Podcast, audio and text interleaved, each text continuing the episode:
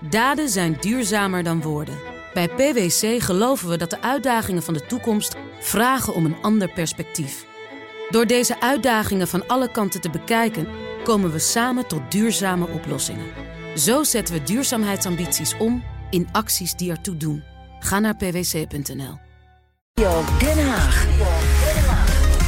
Ja, een bijzondere dag voor veel Tweede Kamerleden. Want de nieuwe Tweede Kamer is vandaag geïnstalleerd. Met 67 kerstverse Kamerleden breekt er toch wel een nieuw tijdperk aan in Politiek Den Haag. Ze hebben vanmiddag dus allemaal de eet of de gelofte afgelegd. Dan is nu aan de orde de beëdiging van de overige leden. Ik verzoek de griffier om de namen voor te lezen van de leden tot de toelating van wie is besloten. Van der Burg.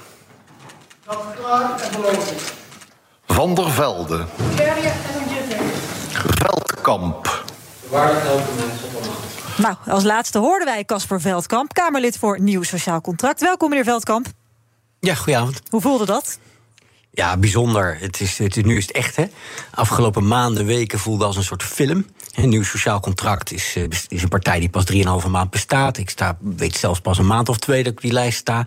En dat was ondertussen, ja, had ik ook gewoon nog werk af te ronden wat ik deed. Ja. eh, elders. Ja, u En, was dat- dat, bankier, eh, toch in Londen? Ja.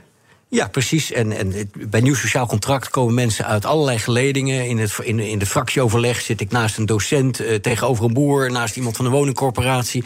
En het zijn allemaal mensen die, eh, die afgelopen weken nog gewoon hun werk hadden af te ronden. Ja. En, en nu is het echt. Nu is de, de eet of de belofte afge- afgelegd en eh, gaat het, eh, n- ja, een nieuwe wereld voor ons beginnen. En hoopt u dat eh, die film dan ook een deel 2 krijgt met regeringsdeelname? Nou, dat, dat is eh, aan, aan eh, de, de hele verkenning en die, die situatie daar. Eh, ik doe zelf niet, niet het overleg met de verkenner, doet Pieter Omzicht zelf. Hij, hij koppelt wel voortdurend terug naar de fractieleden en stemt ook telkens zijn inzet af. En dat is, als ik kijk naar formaties in het verleden, dan is dat niet bij alle partijen altijd het geval geweest. Dus dat doen wij echt heel, heel erg samen. Tegenover u zit ook natuurlijk Leonard Beekman, onze politiek verslaggever. Goedemiddag. Goedemiddag, Nina. Ja, wat is het voor dag in Politiek Den Haag? Ja, het is wel een bijzondere dag. En je merkt het al vanaf 's morgens vroeg als je hier binnenkomt lopen. Zenuwachtige Kamerleden, veel familie, trotse ouders, trotse kinderen. Onwennigheid ook wel in de Kamer. Iedereen moest bijvoorbeeld zijn plekje gaan zoeken. Eh, en dan eh, je ambtgenoten, want het is een ambt, hè? Ontmoeten, een handje geven. En natuurlijk ook met de pers praten. Eh Gijs Tuinman, BBB. Ik doe eh, buitenland, eh, defensie en EU. Sandra Palme, nieuw sociaal contract, net geïnstalleerd als Kamerlid. Hoe voelt het? Nou, ik vond het eh, een enorme eer. eh, ook een hele grote verantwoordelijkheid. Eh, maar ja, het is het mooiste wat je kunt bereiken als volksvertegenwoordiger. Echt heel bijzonder. Ja, ik ben wel eh, helemaal vol energie. Ja. Ik heb zin om te beginnen. Ja. Ja, hallo, ik ben eh, Ilana Rodekerk. Ehm, voor D66 ga ik aan de slag eh, voor het onderwijs eh, en kansgelijkheid tegengaan. En ehm, eh, daar heb ik heel veel zin in. Ja, en dan 67 Kamerleden die nog nooit het ambt hebben bekleed. Ja. En toch zitten er daar een paar tussen die we wel al kennen, alleen dan in een andere rol. Bijvoorbeeld in de rol van minister, zoals Van der Wal. Ja, het zijn twee drukke banen. Maar voor het eerst. Voor het eerst, absoluut. Ja, ik ben Valt het te combineren? Eh, ja, dat gaan we zien.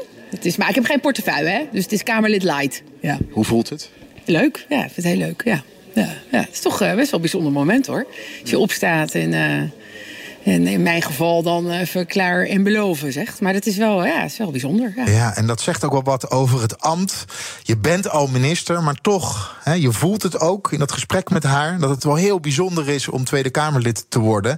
Ja, en ze kunnen aan de slag. Hè. We hebben een Ja. nieuwe Tweede Kamer. Er kan weer vergaderd worden in Den Haag. Ja, meneer Veldkamp, u schreef eh, bij uw kandidaatstelling... bij goed bestuur hoort het waarborgen van eerlijke besluitvorming... en het tegengaan van corruptie en vriendjespolitiek. Dat zijn grote woorden. Hoe gaat u daar handen en voeten aan geven als Kamerlid? Ja, dat heb ik eh, vooral eh, gezegd ook eh, in, de, in de context van mijn, mijn internationale activiteit. Ik heb een hele internationale loopbaan eh, gehad. Bijvoorbeeld, ik ben ambassadeur in Griekenland geweest... terwijl er echt, echt wel wat te hervormen was... en naar vriendjespolitiek te bestrijden. En ik wil ook dat goed bestuur in Nederland goed plaatsvindt. Mhm. Ja, En dat, hoe gaat u eh, nou, dat, laat ik hoe gaat u dat voorbeeld geven. nastreven? Nou, laat, laat ik een voorbeeld geven. Oké, als ik kijk naar het afgelopen jaar. eh, we hebben gezien de voordracht van Wopke Hoekstra als eurocommissaris door de ministerraad. Ja, dat ging op een hele rommelige manier. Het stond niet op de agenda van de ministerraad, het stond niet op de besluitenlijst. En toch was het besloten. En wij konden ons allemaal mensen indenken die meer van Ja. klimaat wisten wat hij ging doen in Brussel. U zegt dan Wopke vriendjespolitiek. Hoekstra. En nou, ik zeg niet vriendjespolitiek. Ik zeg, dit soort dingen moeten beter. Ik heb zelf achter de schermen tal van dat soort benoemingen gezien... op iets minder zichtbaar politiek niveau. En eh, hoogambtelijk en dergelijke, waarvan ik zelf vond... hé, maar d- dat moet beter. Dit, dit loopt scheef in Nederland als we dat niet herstellen. Ja. En dat is voor mij een deel van de motivatie geweest... om ook voor nieuw sociaal contract actief te worden... en eh, op de Kamerlijst te gaan Ja, staan. u refereerde al aan die eh, zeer internationale carrière, onder andere ambassadeur in Griekenland, maar ook in Israël geweest. Nou, Israël lijkt me iets wat bij uitstek ongelooflijk belangrijk is als we nu naar het buitenlandbeleid kijken. Hoe kijkt u naar de situatie in Israël en welke rol zou, zou ons land daarin moeten spelen? Ja, kijk, ik, ik, ik heb, natuurlijk ben ik. Het, het leed in, wat daar geleden wordt, gaat niet allemaal voorbij. Ik denk in de eerste plaats ook aan de gegijzelden, waarvan velen nog, nog steeds niet vrij zijn. Voor hen is 7 oktober nog niet voorbij. En ik denk ook aan de mensen in de Gazastrook. Want ik ben daar zelf wel geweest. Het is een heel dichtbevolkt gebied. En eh, mensen worden er ma- makkelijk als, als menselijk schild gebruikt, of slachtoffer van de, van de bombardementen. Waar ik naar kijk is, is heel praktisch ook. Wat kan Nederland doen? We kunnen elkaar eindeloos de maat nemen in het parlement hier over hoe en wat we er precies in moeten staan. Maar we kunnen ook kijken, wat kan Nederland doen bijvoorbeeld om te zorgen dat humanitaire hulp Gaza inkomt en snel erin komt? Kunnen we niet bijvoorbeeld een, een coördinator instellen van een hoog niveau die eh, in Nederland met de diverse ministeries, met de militairen, met de NGO's praat, die ter plaatse deuren open krijgt in Egypte, in Israël, zodat die spullen er ook in kunnen komen Ja. mensen geholpen worden en leed verzacht. Dus heel praktische benadering heb ik ook. Klinkt bijna als de baan voor u, want ja, u kent de regio daar goed. Ik, ja, ik- dat helpt.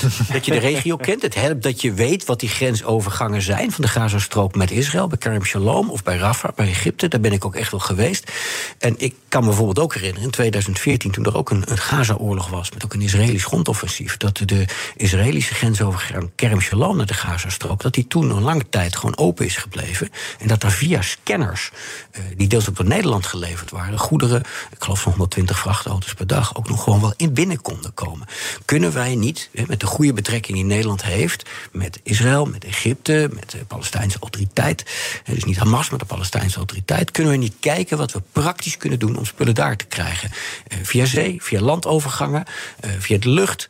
Eh, kunnen we niet in een soort Europese voorhoede plaatsnemen dat te doen? Kan een Nederlandse coördinator van gewicht ook niet samen met noem het Franse, Italianen, van mij ook Britten gaan kijken? Kunnen we dat? Hoe doen we dat?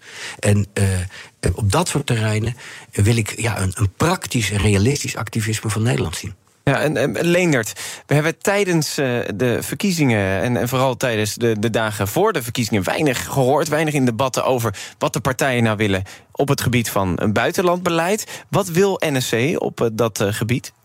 Ja, we hebben daar niet zoveel over gehoord. En dat is wel onterecht, want het is belangrijker dan ook ooit, ook in politiek Den Haag. Denk aan Oekraïne, denk over aan alle discussies die we rondom eh, de Europese Unie hebben gevoerd. Om, maar iets te noemen, het eh, natuurherstelbeleid. Hier eh, vertaald naar eh, stikstofbeleid. En natuurlijk de oorlog waar we het net over hadden in Israël. Ja, en als ik dan in het verkiezingsprogramma van Nieuw Sociaal Contract kijk. eh, wat me wel opviel. Ik hoorde Pieter Omzicht bij de presentatie zeggen: we hebben het gerangschikte hoofdstukken naar belangrijkheid. En het was het eh ene laatste hoofdstuk, hoofdstuk 12, Nederland en de wereld. Daarna alleen nog eh, een paragraaf over financiën. Dus daar vroeg ik me wel af van, nou, hoe, hoe belangrijk is dat dan?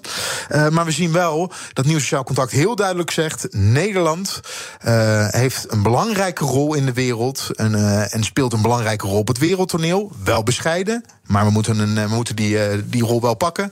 Oekraïne bieden we actief militair, economisch, humanitair en financieel steun.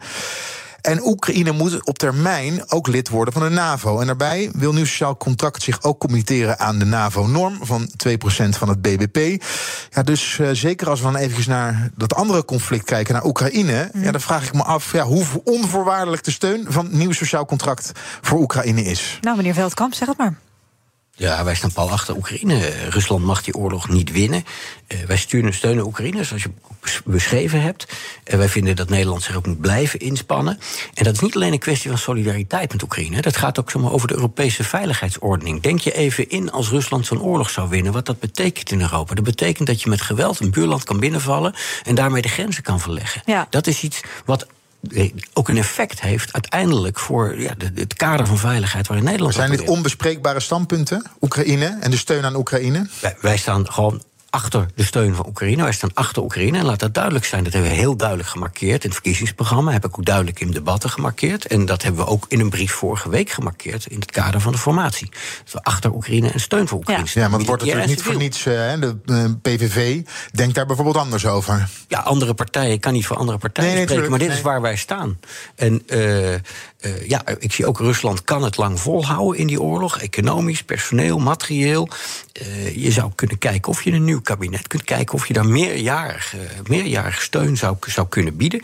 het, is, het is gewoon belangrijk dat we, dat we hier naar kijken. Ja. We zitten in een wereld waarvan we zeggen: kijk, het knettert in de ring rond Europa. We zien de oorlog in Oekraïne. We hebben Nagorno-Karabakh gezien. We zien Hamas en Gaza. We hebben tegelijkertijd verderop in de wereld een permanente wrijving tussen een opkomende macht, China, en een gevestigde macht, de VS. We hebben ook onzekerheid. Wie zit er straks in het Witte Huis? En wat betekent dat voor de NAVO en dergelijke? Die internationale thema's zijn belangrijk. En ik ben dus blij dat ja, uh, Pieter Omtzigt dat, dat internationale en internationale ervaring die ik meebreng ook zo belangrijk vond dat ik zelfs op plaats 4 op de lijst kwam te staan. En nu ja, toch wel een serieuze plaats in de Tweede Kamer. Ja, want u gaat ook dat buitenlandbeleid uh, doen, hè? Neem, neem ik aan als dossier? Ja, ik ga buitenland en ik ga ook migratie doen. Ja, ja ook het leuk dossier. Daar is ook ja, wel veel over nou, te zeggen. Hè? Ook een stevig, stevig ja, thema. Ja, ik zo zeggen. Een thema wat mensen raakt. En, en, en, en mensen echt heel belangrijk vinden tijdens de campagne. Als ik uh, folders uitdeelde in West-Brabant, waar ik oorspronkelijk vandaan kwam. Mensen spraken er ook echt op aan. Dus mensen vinden daar wat van. En ik heb een ervaring op de externe kant van, van migratie. Ik was in uh, Nederlands ambassadeur in Griekenland tijdens de migratiecrisis uh, in 2015, 16. Dus ik heb het ook heel tastbaar meegemaakt. Ik ken de problematiek niet alleen vanuit kantoren en papieren, maar ik heb ook zelf tussen tal van migranten gestaan die er toen met bootjes aankwamen. Dus ik weet hoe het aan de buitengrens van Europa hoe dat werkt. En ben ik betrokken geweest bij de totstandkoming van de EU-Turkije-deal bijvoorbeeld. We wensen u heel veel succes in uw nieuwe functie als Kamerlid voor NSC met de buitenlandportefeuille. Veel dank, Casper Veldkamp. En uh, natuurlijk ook Leendert, jij bedankt, onze politiek verslaggever in Den Haag. Daden zijn duurzamer dan woorden. Bij PwC geloven we dat de uitdagingen van de toekomst vragen om een ander perspectief. Door deze uitdagingen van alle kanten te bekijken, komen we samen tot duurzame oplossingen. Zo zetten we duurzaamheidsambities om in acties die ertoe doen. Ga naar pwc.nl.